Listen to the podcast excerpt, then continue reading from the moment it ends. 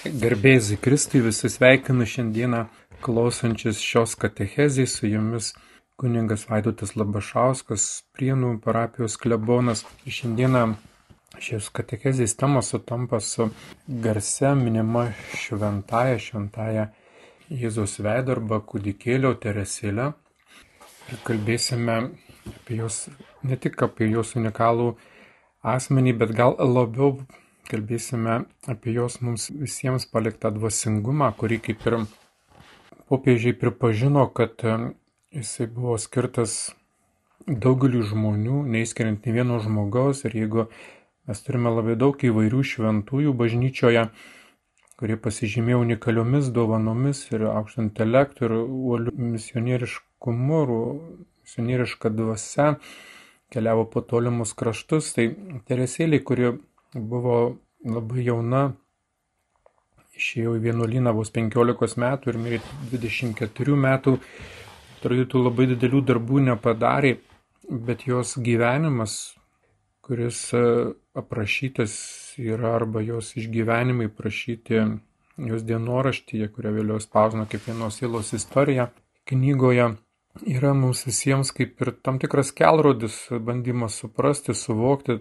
esmines iš pašaukimo šventumą tiesas, nes mūsų visų uždavinys yra būti šventais, yra mūsų tikslas ir bažnyčios kvietimas. Ir šventumas ne visą laiką teisingai yra suprantamas, kartais galvoma, kad šventumas yra kažkoks tai nenatūralumas, super religingumas, kažkoks net galbūt ir davatkiškumas, gyvenimas kažkokio kitokio atitrukusio nuo realybės gyvenimo ir žmonės tą kvietimą išgirdę arba kalbėjimą apie šventumą tiesiog jos, na, galbūt ir atgraso arba taip nepatraukliai kalba, nors nepatraukliai ta kalba atrodo jums, bet iš tikrųjų kvietimas į šventumą yra kvietimas prisimti savo pagrindinį tikslą ir atsakomybę ir pažvelgti į priežastį, dėl ko mus Dievas yra sukūręs. Ir pirmiausia, Dievas jisai mus sukūrė dėl to, kad padarytų savo laimės dalininkais. Jam rūp tik tai vienas dalykas, kad mes visi būtume laimingi ir kad ta laimė niekada nesibaigtų, kad jinai būtų tobula ir amžina. Tai iš tikrųjų tai, ko mes visi ir siekiame šiame gyvenime, rasime tokį žmogų, kuris nenorėtų būti laimingas. Visi viską darome gyvenime, kad būtume laimingi. Nėra žmogaus, kurio veiklą vienai per kitaip negalėtume susijęti su šiuo tikslu su šiuo poreikiu patenkinimu, nes kiekvienas žmogus trokšta laimės, kiekvienas žmogus nori būti laimingas ir tas troškimas ir šitas giliai širdyje atitinka ir bažnyčios kvietimą būti šventais, būti laimingais. Be abejo, mes galime diskutuoti apie skirtingas laimės sampratas, kaip žmonės supranta laimę, bet vis tiek turime žvelgti į Dievą, kuris yra mūsų kūrėjas ir kuris yra tobulai laimingas, nieko nėra laimingesnė už Dievą, ne vienas, ne viena būtybė šioje žemėje nėra laimingesnė už Dievą ir tą laimę išgyvena nepriklausomai nuo pasaulio, jam nereikalingas pasaulis, nereikalingi mes kaip žmonės, bet iš savo gerumo, savo maloningumo Dievas mus pašaukė šį gyvenimą, kad padarytų savo laimės dalininkais, tiesiog mūsų kūrė dėl mūsų pačių, ne kai kažkas žaislus arba dėl to, kad jis negali gerai jaustis be mūsų, bet tiesiog iš savo meilės, nes mylėti tai kurti, mylėti tai dalintis, mylėti tai nutrokšti, kad e, ta meilė, ta, ta meilė sklistų, tai turėtų kažkokią atmintį, turėtų kažkokią išraišką, tai mes sakytume meilės išraišką ir yra mūsų atsiradimą šiame pasaulyje. Gal taip ir sunku labai tiksliai apibūdinti, įvardinti mūsų atsiradimo priežastį, bet mes tik tai galime iš tikrųjų suvokti iš apsireiškusio Dievo, iš jo prieškimo, dėl ko mes esame čia ir ką mus Dievas visus kviečia. Tai žvelgiant į šventąją Teresėlę, jos mažąjį kelelį, kuris tikrai jisai yra mažasis galbūt dėl to, kad jinai buvo labai tokia maža, nuolanki, kukli, santūri, mylinti, atsidavusi visa širdimi kaip kūdikis, vaikiškumas, josios kūdikiškas vaikiškumas, ne dėl to, kad tai buvo kažkokia vaikiška, bet jos atsidavimas Dievui kaip vaiko, būtent ir tą jos dvasingumą apibūdina ir pabrėžia. Bet kaip ir Kristus sakė, jeigu neatsiversite ir nepasidarysite kaip vaikai, neįsite Dievo karalystę. Ir kuo mes labiau atsiduodame į Dievo rankas, kuo labiau pasitikime Dievu, tuo labiau mes esame kaip vaikai, tuo labiau mes esame vaikai. Pasitikėjimas mus padaro vaikais ne kažkokiomis nesavarankiškomis, negalinčiamis primti savarankiškų sprendimų būtybėmis, bet pasikliovimas, visiškas pasikliovimas Dievui, matymas jo valios, išvelgimas gyvenimų prasme visuose, netgi sudėtingiausiose gyvenimo situacijose, išbandymuose, kančiose ir visuose kitose gyvenimo įvykiuose, kas labai buvo svarbu ir teresėlė, ir tas vaikiškumas, tai Dievai tai yra didžiuliai meiliai išgyventa ne tik Dievo, bet didžiulė meilė išgyventa visiems žmonėms, nebereikalo naimis jų globėti. Teresėlė yra nesi labai rūpinosi ir sielų išganimu. Ir šiandieną, kada gerai, mes gyvenam tokiame labai keistame pasaulyje, gal, nesakytume gal keistas, gal net toks žodis yra naudojamas keistas, bet pasaulis, kuriame vis mažiau ir mažiau yra svarbi Dievo patirtis vis mažiau ir mažiau svarbu įsiklausyti į Dievą, vis mažiau tikima Dievą, vis mažiau paisoma Dievo ir norime, nenorime, atsiranda tam tikri vaisiai, nebendravimo su Dievu, netikėjimo Dievą vaisiai. Ir tie vaisiai yra labai aiškius, labai akivaizdus, tai yra žmogus atmetęs Dievą pradeda save statyti Dievo vietą, pradeda save dievinti. Aš manyčiau, kad baisiausias dalykas, kas ir nulėmė pirmųjų tėvų nuopolį, tai kad jie patikėjo tuo melu, kad jie yra, gali būti kaip dievai, jie gali būti savarankiški, visas problemas įspręsti be Dievo, kad jie gali būti laimingi ir tobuli be Dievo, nes jie yra patys savai pakankami ir būtent ta pagunda neperskai visada žmonės ir žmonės atsisakė Dievui, pradeda save dievinti, pradeda save kelti, aukštinti virš kitų, turi labai tokių daug egoistinių nepamatuotų ketinimų, labai dažnai pasiduoda iliuzijom, nes savęs sudėvinimas yra pati didžiausia iliuzija, mes niekada nebūsime dievai, mes esame tik tai kūriniai. Ir tos iliuzijos žmonės tik yra užvaldę, kad jie pradeda nebeskirti tikrovės nuo savo svajonių, jie sutapatina savo svajonės su tikrove ir vis labiau ir labiau jaučiasi nelaimingi.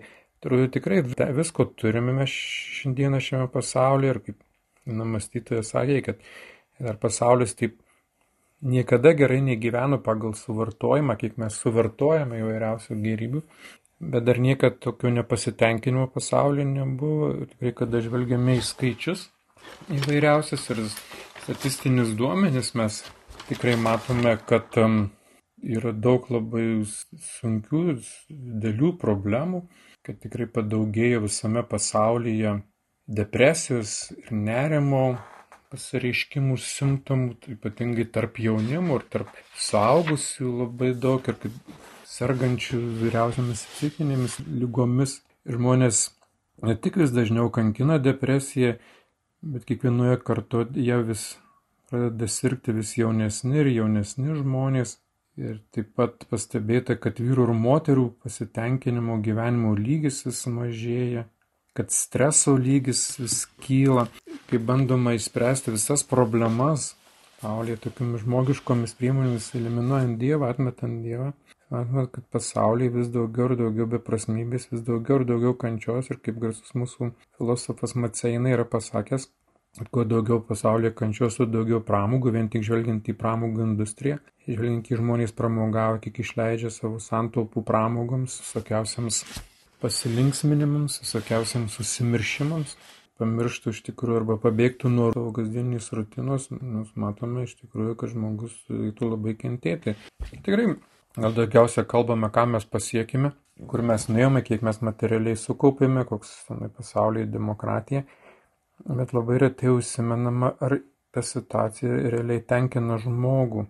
Skaičiai iš tikrųjų neatspindi žmogaus vidaus skaičiai niekada ir statistiniai duomenys neatspindi iš tikrųjų žmogaus vidinių būsenų ir tų išgyvenimų ir to nesaugumo, tų baimių, kuriuose jisai gyvena ir dažnai tas nusivylimas, beprasmybė vienas yra iš ryškiausių požymių mūsų visuomenė, kaip ir toksai psichoterapeutas Viktor Melin Franklis yra pasakęs, sako, jisai iškentėjo koncentracijos stovykloje, buvo įkalintas, tikrai buvo labai nežmoniškos sąlygos išgyventi ir vienam tik tai iš tūkstančio buvo galimybė išlikti gyvam.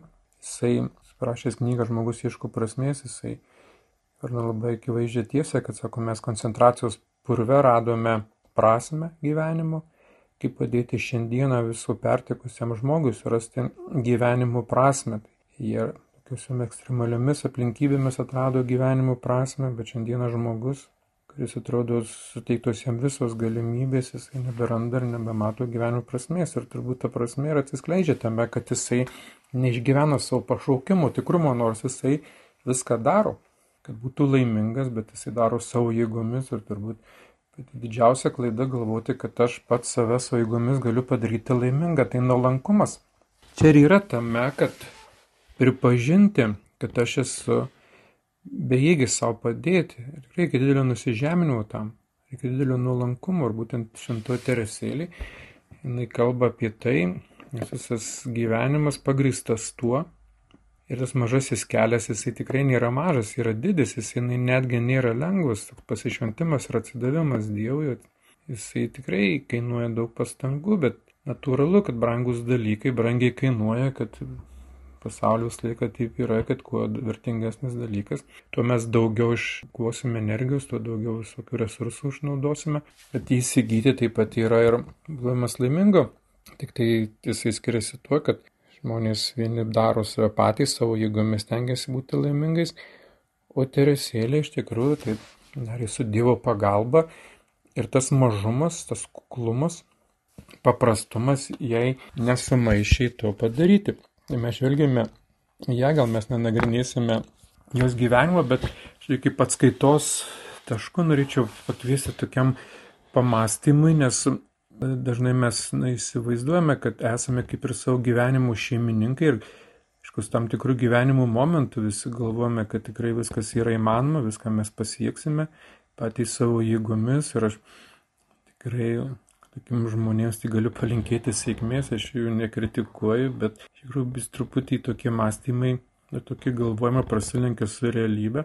Ir tikrai kaip vienas kuningas sako, šiandieninis žmogus yra jo ir galva, sako, panirusi svajonių debesyse, sako, kojos stovi ant žemės. Jisai pamiršta iš tikrųjų, kad vis dėlto mes gyvename žemėje, žemėje niekada nebuvo rojus, žemėje niekada nebuvo mūsų tikroji tėvynė ir mes laikas susidursime su nenumatytais iššūkiais ir vien tik tai svajoti ir vien tik tai galvoti, kad viskas priklauso nuo svajonių.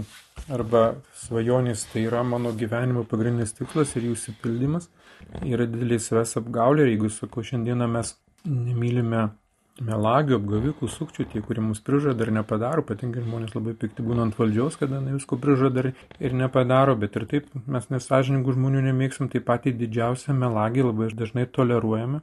Tas melagis, didžiausias melagis esame mes patys savo, mes daugiausia savo meluojame ir meluojame, prasme, kad labai dažnai ignoruojame tikrovę ignoruojame realybę, nenorime jos priimti, kad jinai yra na, nepatogi mums ją priimti, nepatogi mums ją pažinti, pri, pripažindami, neprimdami tikrovės, primdami realybės, mes um, negalime spręsti problemus, mes negalime priimti jokių sprendimų ir, ir todėl neprimdami jokių sprendimų, pasiduodant tokiam plaukimui pasroviui, laukdami kažko, tai ir numirštame, turbūt nesulaukę to, ko labiausiai troškome šiame gyvenime. Aišku, minumėliai darom kaip ir tie svajotojai išlošti loterijoje maksimalų tą prizą, perka bilietus, bet vis tiek išlošia tik tai labai maža dalis žmonių ir tikrai tas toksai galvojimas ir svajojimas, kad kam nors pavyks arba pasiseks, kai kam gal truputį ir kažkokios mažos sumos ir pavyksta išlaukti, bet vis tiek vis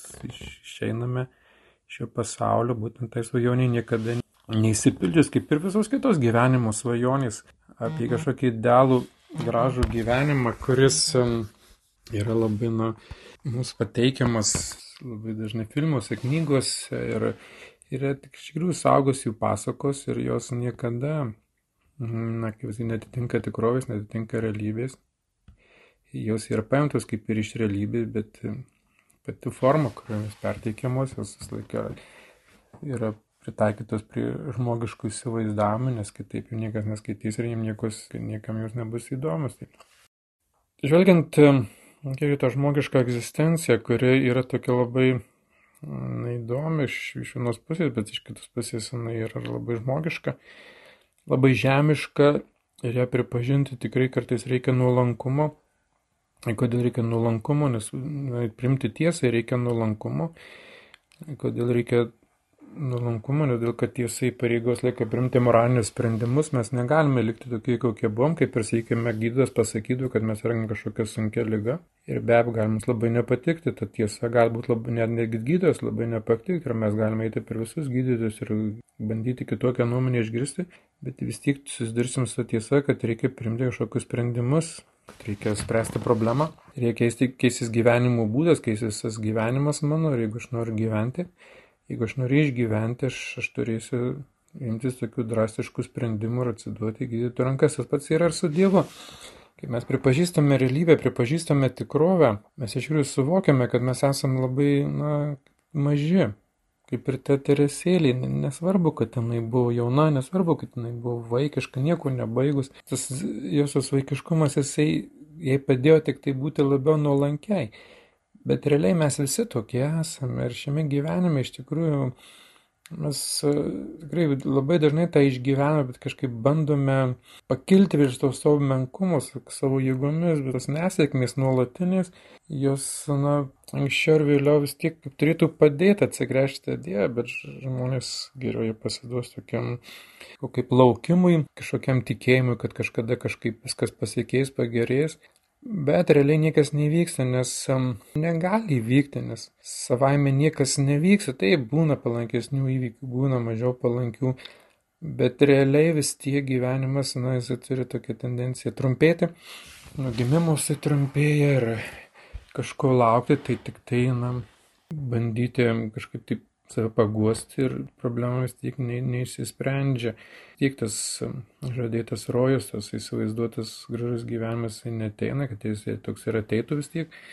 Mes jį turėsime vieną dieną palikti ir iš tikrųjų tai nepriklauso nuo mūsų, kada tai įvyks. Pirmučiausias dalykas, tik turėtume mes klausyti, kodėl mes čia atsiradome, nes mes atsiradome ne, ne savo valia, Mes atėjome į šį gyvenimą, prie savo valią mūsų neklausė niekas ir mes negalėjome pasirinkti gyventi arba negyventi. Na, kartais sako, kad mūsų tėvai labai norėjo, bet būna kartais ir tėvai nenori, būna, kad vaikai būna neplanuoti, gimsta ir ateina šį pasaulį neplanuoti. Ir gyvenimo problema, kaip kuriems žmonėms yra labai aštri ir egzistencialistai, filosofai, jie šį gyvenimą vadina didžiausiu absurdu, nes gyvenimas visiškai neturi jokios prasmės. Jėzus egzistencialistas Alberas Kamiu yra sakęs, kad Gyvenime egzistuoja tik tai viena problema, tai yra savižudybė, nuspręsti ir gyvenimas vertas, kad jį gyventum. Ir gerai, kai pažiūrė kai kurių žmonių gyvenimas, nu, kurie tokie būna, tiesiai šviesiai sakant, liūdni. Ir tokie beprasmiai, joks tik tai vegetavimas, kažko laukimas. Gyvenimas dėl to, kad gyventi, gyvenimas toksai, kad vien tik dėl to, kad nėra kitur kur dingti ir mes iš tikrųjų išgyvename labai didelę dramą, kad žmonės išeina iš gyvenimo savo norų. Aš galvoju, jeigu būtų kas nors jų paklausęs, kad nors jie nori, norėtų, kad gyventi ir būtų, būtų davim pasirinkimą, turbūt jie būtų pasirinkę priešingai, negyventi. Buvo toks įdomus atvejis Prancūzijoje, kai viena moteris pastojusi norėjo pasidaryti abortą, nuėjo pas gydytoją ir gydytojas, būdamas matyti sąžininkas katalikas, jis atkalbėjo ją nuo aborto apie gimdinai vaiką. Sveikas užaugo ir sužinojo, kad jo mama kažkada planavo jo abortuoti. Ir buvo gydytojas, kuris atkalbėjo ir supyko ant to gydytojo ir tą gydytoją padavė į teismą, kuris pažeidė jo teisę negyventi. Ir tas mama norėjo, pažeidė jo teisę į gyvenimą, nes jis nenorėjo gyventi. Mama atkalbė ir mama leido jam gyventi. Ir kas yra įdomu, kad jis tą teismą laimėjo, kad iš tikrųjų buvo pripažinta, kad gydytojas pažeidė jų teisės į nenorą gyventi. Taip, tai būna reti gal tokie absurdiški juokingi atvejai, bet iš tikrųjų Galvoju, yra žmonių, kurie jau paklausus ar pasirinkant priešingą variantą, manau, kad atsirastų labai nemažai jų, bet mes tikrai neturim pasirinkimo, mes gyvename šį gyvenimą, todėl kad neturime ką daugiau daryti, tiesiog kažkas mūsų norėjo, pašaukė mes gyvename, tai mes negalėjom pasirinkti gyventi arba negyventi kitą. Yra tiesa, kad mes šiame gyvenime negalime pasirinkti ir lytį. Šiandien labai daug diskutuojam ar kalbam apie tą problemą, kur iš tikrųjų čia nėra jokia problema, bet iš jos padaroma didžiulį problema. Iš kitos pusės turėtume pripažinti, kad, na, aš gal kaip vyras ir vyrų, kad vyrų grupė atstovaujantis, vyrų lytį atstovaujantis, pasakyčiau, kad vyram iš tikrųjų pasaulyje yra lengviau, kodėl gal moteris irgi tos tokios lygybės trokšta ir siekia kažkaip galvodamus, kad jos galbūt nurašytos savo silpnumo ir jos galėtų lygiai tas patį daryti, ką ir vyrai. Tai iš tikrųjų, kuriuose šalyse moterų situacija tikrai yra labai nepalanki, ten, paimkime, islamo šalis, kitų kultūrų šalis, kuriuose moteris tikrai yra diskriminuojamos, kuriuose teisės yra suvaržytos ir būtų blogai jaučiasi, bet jų niekas neklausia, ar norite būti moterimis, ar norite būti vyrais ir tas troškimas keisti lytį ir eksperimentuotis su prigimtimi, na, aš manau, parodo, kad tikrai žmonės yra nepatenkinti kartais tai, ko jų yra, bet mes negalėjome to dalykų pasirinkti. Vieni gimstam vyrais, gimstam moterim ir tas nuolatinis lyginimas vyrų ir moterų, nemanau, kad problemą įsprendžia, bet vis tiek mes nepaneiksime tų, kas mes esame ir aš manau, kad teisingas pasakymas, kad žinai, problema yra tai yra, tai kad realybė bandoma, realybės ir nerealybės tam tikras sankirtis kad nerealistiškus dalykus bando primesti, kurie ir iškreipti realybę nerealistiškais dalykais arba bandoma kažkaip e, įpiršti, kad galima kažkokiu tai būdu realybę pakeisti, e, vadovaujantis kažkokiais tai nerealistiškais, sukurtais įsivaizduojamais dalykais. Tai. Bet esmė ta, kad iš tikrųjų mes negalime pasirinkti savo lyties, kokia nebūtų ir kaip mes jaustumės būdami arba egzistuojantis vienokiame kitokiame nu, tos lyties tapatume savo. Tai kitas dalykas, kuris taip pat yra mums galbūt ir sunkiai išgyvenus priemonės, tai kad mes negalėjom pasirinkti savo išvaizdos. Šiandien kultūroje išvaizda yra labai labai svarbu vertybė. Matome, kiek žmonės daug daro dėl išvaizdos, kiek, kaip yra aplinkui daug. Dažnai iškreipiamas vaizdas pasaulio, vien tik tai pateikiant tik patrauklius išvaizdžius žmonės. Žurnalų viršelių jūs niekur nematysite, ne išvaizdžių žmonių, kino filmuose visą laiką patys populiariausi gražus aktoriai, muzikos atlikėjai. Visas ta grožio industrija sukurta, jinai propaguoja iš tikrųjų tam tikrus standartų grožio, dėl kurių daugelis žmonių jaučiasi ne, nevertingi, jaučiasi labai nepatogiai ir jeigu paaugliais nenori gyventi vien todėl, kad netitinka tų standartų ir kreipiasi į psichologus pagalbos, nu, tai, tai parodo, kad iš tikrųjų ši kultūra yra diskriminacinė kultūra ir labai dažnai kalbam apie diskriminaciją, bet kad jinai visa yra diskriminuojanti kitokius žmonės, labai dažnai užmirštama. Tai, aišku, vėl nesigilinant tas problemas, mes tik pažvelgime į tuos žmonės, kurie ateina į šį pasaulį, taip pat nepasirinkdami tik išvaizdų, bet nepasirinkdami ir šių tam tikrų savybių ateina su įgimtomis, geriausiamis lygomis, gimsta be rankų, be kojų, gimsta su visokiamis negaliomis, gimsta kurti akli ir jų niekas neklausė, ir jūs norite tokiais būti. Ir iš tikrųjų vienas vaikinas, kuris iš internato, iš jo 18 metų sulaugęs, jis arba cerebraliniu paralyžiumi, išėjo iš internato su didžiausiu entuzijazmu, pirmą kartą pamatys pasaulį, bet sako, jis grįžo su didžiausiu nusivylimu, nes sako, į mane žmonės žiūrėjo kaip į baidyklę. Tikrai, ką tu gali tam žmogui pasakyti, jisai toksai yra, aišku, jisai stengiasi, jisai integruotis, jisai baigia šiuosius mokslus, baigia gražiai piešia, gražias eilės kuria, bet išvaizda, kuriam nuolat primena žmonių reakciją, primena, kad jisai yra kitoks, kad jisai yra toks. Ir jisai negalėjo tos, to pasirinkti. Ir iš tikrųjų daug žmonių kenčia dėl savo fizinių savybių. Ir kol kas šiame pasaulyje mes matom sėkmingieji yra tik išvaizdų žmonės. Kažkaip nori tų ilgakojų šviesiaplaukių sekretorių, visi karjerą puikiausiai daro. Jeigu turi tam tikrus duomenis, laukia daugiau dėmesio, tarsi aukštesnį savivertį, gerai jaučiasi, bet kokie mes bebūtume, mes negalėjome pasirinkti savo išvaizdos ir ką pasakyti žmonėms, kurie visą gyvenimą negalių vežimėlį yra ir kaip jiems paaiškinti, kaip jie taip pat yra vertingi, kai yra nuolat puikuojamasi savo išvaizdą ir, ir kiti tarsi, na, mažiau verti laikomi dėl to, kad jie taip netrodo. Tai mums patinka, nepatinka mūsų išvaizda, mes jos negaliom pasirinkti, bandom susitaikyti, bet nes laikams tai pavyksta. Kitas dalykas, negaliom pasirinkti šiame gyvenime ir savo tėvų. Teresėlės tėvai labai anksti išėjo iš šio pasaulio ir Teresėlė anksti įstojo į vienuolyną, galim sakyti, neteko savo tėvų, mamos jinai anksti neteko. Labai yra svarbus mūsų gyvenime. Priklauso visą, visą mūsų gyvenimo, sakykime, ateitis. Man patiems teko sutikti šeimų, kurių tėvai gali vaikam leisti pačios nuostabiausias galimybės, gali leisti jiems keliauti po pasaulį ir iki dešimt metų jie būna išmokę keletą kalbų, būna aplankę didžiąją, pasaulio, didžiąją dalį pasaulio šalių, baigia geriausias pasaulio universitetas, gauna geriausias darbas, padaro nuostabiausią karjerą, teko sutikti vaikų, kurie, kurie tiesiog atimami iš tėvų, paimami iš tėvų, auginami globos namuose, internatuose kurie gyvenime nieko nematė, tik smurtaujančius ir gritaujančius tėvus, kurių vienas tikslas buvo, kad jie turėtų ką pavalgyti ir kad tėvai jų nemuštų. Ir mes girdime istorijas, kokia, žalinga smurtinė aplinka ir, ir kaip mes jos negalime pasirinkti ir pačiam man tenka lankyti pataisos namus ir bendrauti su nuteistaisiais. Iš tikrųjų, priežastis, kodėl jie yra pataisos namuose, dauguma jų, didžioji dalis, dėlto, kad užaugo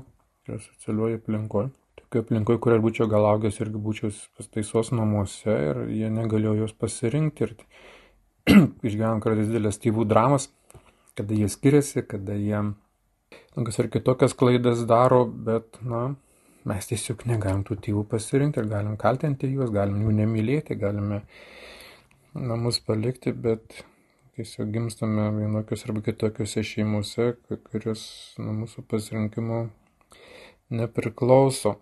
Taip pat mes negalime pasirinkti šalies, kurioje gyvename. Tai, taip, Lietuva yra ne laiką mėla šalis žmonėms gyventi, bet mes priklausome vienai iš geriausiai gyvenančių pasaulyje šalių. Gal jinai yra sąrašų gale, bet vis tiek jinai yra gana pasiturinti šalis. Palyginus su dviem trečdaliais pasaulio, kurie tiesiog, kaip neįsivaizduojama svajonė. Tai gyvenimas kaip Lietuvoje, tai medicinė apsauga, socialiniai garantijos, galimybė mokytis, studijuotis, tiek dirbti, uždirbti, pačiai pavalgyti ir visi kiti dalykai, kaip tu žinai, kad du trečdaliai pasaulio nepavalgo kisodės, kad milijonai kiekvienais metais miršta iš bado, kiek vaikų, manoma, milijono vaikų miršta kiekvienais metais, nes laukia penkių metų pasaulyje. Kai tu matai, kaip kitose šalyse, trečio pasaulio šalyse grobiami vaikai iš gatvių, kad būtų parduoti į prostitucijos vergyją, greitai tarytum kasdieną dėkoti už šią šalį ir už jos nuostabų orą, kuriame nėra nei žemės drebėjimų, nei audrų, nei, nei galingų viesulinių tornadų, visokių kitokių dalykų ir potvinių, kurie kamuoja daugelį, nu, dalį pasaulio šalių.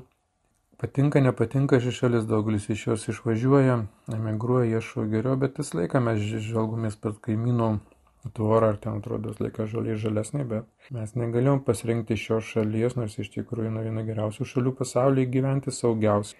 Palyginus, kai kur vyksta genocidai, šalis, kurios valdo karteliai, kur vyksta nesibaigiantys karai, persikomi krikščionys, kitatikiai.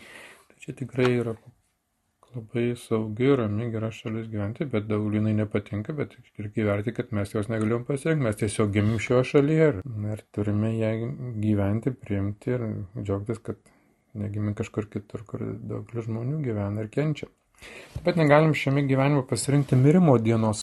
Žmonės tiesiog miršta ir tikrai man teko palaidoti ir kūdikių, kurie gimė mirė, kurie ryte gimė, vakare mirė. Taip pakrikštyti trijų mėnesių mergaitę, kuris sirgo kepenų vėžį ir palaidoti vaikų, kurie mirė nuo kraujo vėžio, smegenų vėžio, nelaimingų atsitikimų ir, ir vaikų, ir, ir paauglių, ir viduramžiaus sulaukusių jaunų vyrų, žmonių ir visokiamis aplinkybėmis išėjus. Ir jeigu mes kreipsime Dijankapis kapinėse matysim, kiek daug žmonių pirmą laiko yra palikę šį pasaulį ir mes išeisime iš šio pasaulio, kaip nenorėsim ir niekas mūsų neklaus. Mirtis niekada nesidara atėjus. Mūsų tarpus suda pačius brangiausius žmonės ir vieną dieną ateis mūsų pasimti, kaip būtų skaudu tą girdėti, bet tokia yra realybė, tokia yra tikrovė. Kalbėsim, nekalbėsim, gazdysim save, negazdysime, jinai niekada nepasikeis ir jinai kitokia nebus. Ir bendrai visa šita nu, išvardytos šitos priežastys, kodėl gyvenimas jaučiamės blogai. Negalėjom pasirinkti kai kurių gyvenime dalykų, praktiškai pagrindinių esminių dalykų ir jie vienai per kitaip sprendžia mūsų gyvenimo kokybę, kaip mes ją žiūrime, esame labiau laimingi arba mažiau laimingi. Ir galime liūdėti, galime užsiliūdėti, verkti, užsiverkti, bet niekas nepasikeis, nors žmonės maksimaliai įgas deda, kad pakeistų savo gyvenimo tikrovę. Bet dažniausiai gaunasi jiems kaip visada, vienam kitam geriau sekasi, vienam kitam blogiau, vienam labai gerai pasiseka, kai žmonių daug nėra, nes mus maitina tomis sėkmės istorijomis, bet e, turime pripažinti, kad tos sėkmės istorijos, sėkmės istorijų galimybė yra arba sėkmingai, sėkmė kažkokią pasiekti svaiginančią, kaip ir pateikiama kartais įvairiausiuose pasakojimas ir tokia pati galimybė, kaip išlošti loterijoje. Tai kažkaip labai viltis, kad jinai nuo tau pasiseks, turbūt nereikėtų daug, nes mes tik matom tuos sėkmingus, bet dažnai pamirštame, kad yra labai maža dalis žmonių. Iš tikrųjų, realiai ar ta sėkmė tikrai padarė juos laimingus? Didelis klausimas. Tai kodėl aš tą dalyką kalbu, kad Ir mes visi turime suvokti ir suprasti, kad esame apspręsti šio gyvenimo tam tikrų aplinkybių ir šį gyvenimą pasirinkti daug ko negalime. Bet vienas dalykas, dėl ko iš tikrųjų mes realiai gyvename ir ką mes galime pasirinkti, kas nuo mūsų priklauso, reikia, kad šiame gyvenime mes renkamės vieną vienintelį dalyką. Žiūrėjau, kas bus po mūsų mirties. Aš žinau, kad nieko nepaguos, aš žinau, kad niekam atsakymas nebus toksai, wow, kad dabar tai sužinojo, dabar kaip gerai, kaip smagu, nes tikrai suvokia tą tikrovę ir tą realybę, pripažinti ją, priimti ją, apkabinti ją, pamilti ją ir pripažinti, kad ta realybė nėra pagrindiniai priežastis, kodėl aš esu nelaimingas. Yra reikalinga tam tikra gyvenimo patirtis, reikalingas tam tikras atvirumas tiesai, nes mes bijome tiesos, visi bijo tiesos. Kodėl Teresėlė nuolankė, jinai pripažino tiesą, jinai atsivėrė tiesai, ji buvo atvira tiesai ir būtent tas jos dvasinės vaikystės kelias pripažinti, kad aš esu vaikas, esu priklausomas, na, mes sakysime, nuo Dievo ir esu priklausoma nuo Dievo, bet kad pripažinti, kad mes esame priklausomi nuo aplinkybių ir ką aš galiu padaryti, aš galiu iš visų nertis iš kailio ir manytas aplinkybės pakeisti, ką žmonės ir daro savo gyvenimą, kad na, manau, kad yra, ta veikla nėra neteisėta arba ta veikla nėra bloga, bet kad mes vis laiką susidursime su savo ribotumu. Ir vis tiek esminių pagrindinių dalykų gyvenime nepakeisime, bet mes galime pakeisti savo nuostatas. Priimti sprendimą vieną vienintelį, kurį mes galime priimti ir dėl ko mes ir sakome, kad esame laisvi tai padaryti, tai yra apsispręsti primti Dievo meilę arba ją atmesti. Taip tai Dievas mūsų kūrė iš meilės, kad padarytų mūsų laimės dalininkais. Ir jisai tikrai nori, kad mes būtume laimingi, visiems sudarė vienodas sąlygas, nesvarbu, tu sveikas, nesveikas, ilgai gyvens ar trumpai gyvens, nesvarbu, kokiu šalytų gyvens, Dievas visiems sudarė vienodas galimybės būti laimingais. Vienodas. Vienintelė problema tai yra savižudybės problema, kaip jie teigia. Arba aš atsiveriu tą Dievo meilę, atsiliepiu į Dievo meilę, jo kvietimą, išgyvenu jo meilę ir taip pat visą esybę pamilstu Dievą. Ir atrandu tikrąją savo laimę. Taip, tai yra kelias atgal.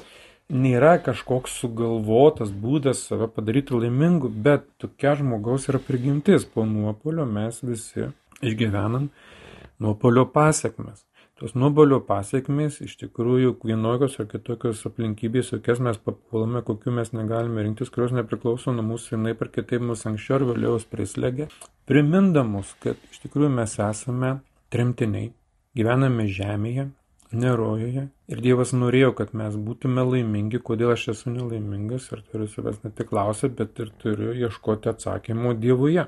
Būtent Dievas ir yra atsakymas į mūsų visus gyvenime iškilančius klausimus. Būtent Dievas yra tas, kuris nori mums ištiesti pagalbos ranką Dievas, kuris nori man padėti suprasti, suvokti, kad savęs aš laimingu nepadarysiu savo jėgomis. Jisai kviečia, jis siūlo, meilė siūlo savo išeiti. Ir mano apsisprendimas už Dievą, mano atsidavimas Dievui, Dievo meilės prieimimas, bendradarbiavimas su Dievu yra ne tik tai, kad man padeda jaustis gerai, jam bet kokiamis aplinkybėmis, bet taip pat man jisai žada amžinai gyvenimą. Ir Teresėlė išgyveno šią meilę, išgyveno šio meilės pilnatvę, Dievo meilės pilnatvę, jinai suvokė, kad nesvarbu, kur tu esi, ar tu esi tarp vienuolynų sienų, nesvarbu, tu amžiaus nesvarbu, kaip tu anksti palieki šį pasaulį, nes jos gyvenimas tikrai buvo jai labai nepalankus, susirgo, naidžiovo labai anksti. Bet jis suprato, kad iš tikrųjų yra kažkas didesnio,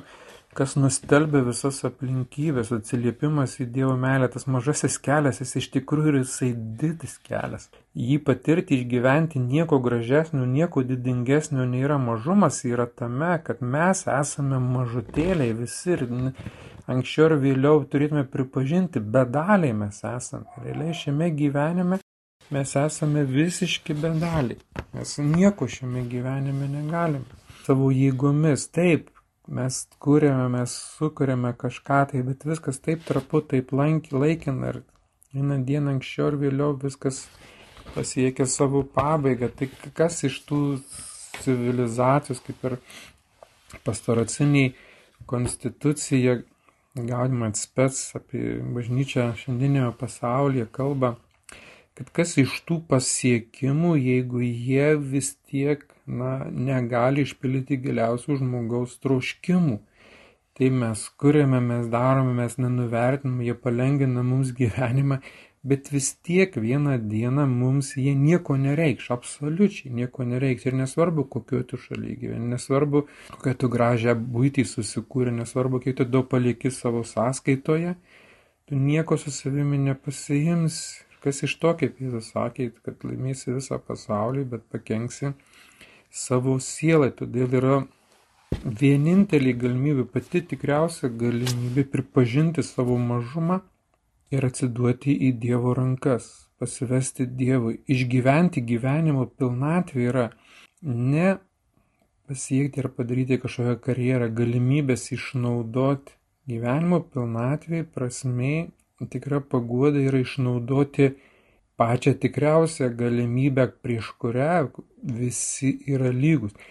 Mes visi galime tą galimybę pasinaudoti, jeigu mes negalim pasinaudoti kitomis galimybėmis, kaip, pavyzdžiui, kitose šalyse gyvenantys žmonės, padaryti įspūdingą kažkokią karjerą, nereiškia aišku, kad jie padarę žmonės tikrai pasieks tą pilnatvę arba pasiekia tą pilnatvę, bet čia, bet kur tu būdamas, bet kokį gyvenimą gyvenmas, Nesvarbu, koks jisai ilgas, koks trumpas, nesvarbu, kokioje tu aplinkoje užaugai, nesvarbu, kaip tau gyvenimas susiklosti, ar tu sveikas ar nesveikas.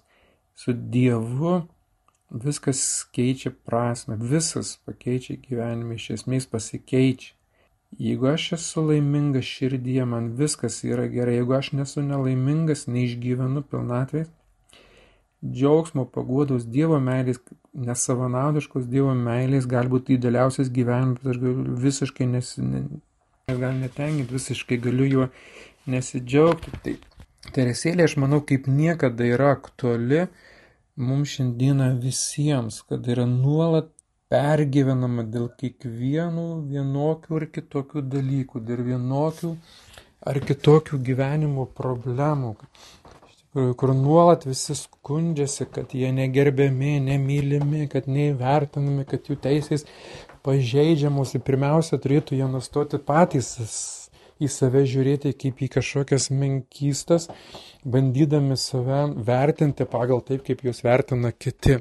Ir Teresėlis, mažo kelio esmė ir buvo tikslas patikti Dievui, ne žmonėms įtikti, ne žmonių pripažinimą atrasti, surasti arba žmonėms įsiteikti, pirmiausia patikti Dievui, nes jeigu tu patiksi Dievui, ta būsi laisvas nuo noro patikti kitiems. Ir čia yra visa esmė, kad daugelis žmonių persistengia, perseikvoja, bandydami kurti kažkokius įvaizdžius, kurti kažkokius gyvenimo būdus, kad būtų primami, mylimi, mėgiami, galvodami, kad yra kažkas, tai nors realiai yra niekas. Sniegas yra tik teiktas kaip toks gėlė žiedas, sako, šiandien žydai, rytoj metamas į krosną. Visa tam esmė ir yra, tai ir tiesa, visa yra tame. Tai gerai, pažvelkime šiandieną visi labai nuoširdžiai į šią paprastą šventąją, į šią nuoširdžią, nuolankę, Dievą mylėjusią šventą, jos kelelis yra toks visiems artimas ir toks turėtų būti jiems suprantamas, kad šių gyvenimo labai nedaug reikia, kai tu atrandi Dievą, tu matai, kiek nedaug tau iš tikrųjų reikia, nes tu turi viską. Tu turi viską. Ir kai tu galvoji, kad kažkas tau tą duos ramybę, džiaugsmą, paguodas, pasitenkinimas savimi, darai visą gyvenimą išveikuo to negaudamas paprasčiausia dėl to, kad tai yra tik tai atrandama Dievuje. Tai visiems norėčiau palinkėti atrasti tą didį kelią, supratant savo mažumą, nesibaiminant, nesigėdinant, neneigiant savo mažumo. Nes čia tas nuolankumas būtent ir yra pagrindinis ir esminis dalykas to mažojo kelelio. Aš esu bedalis, priklausomas nuo aplinkybių, bet su Dievu aš esu didis.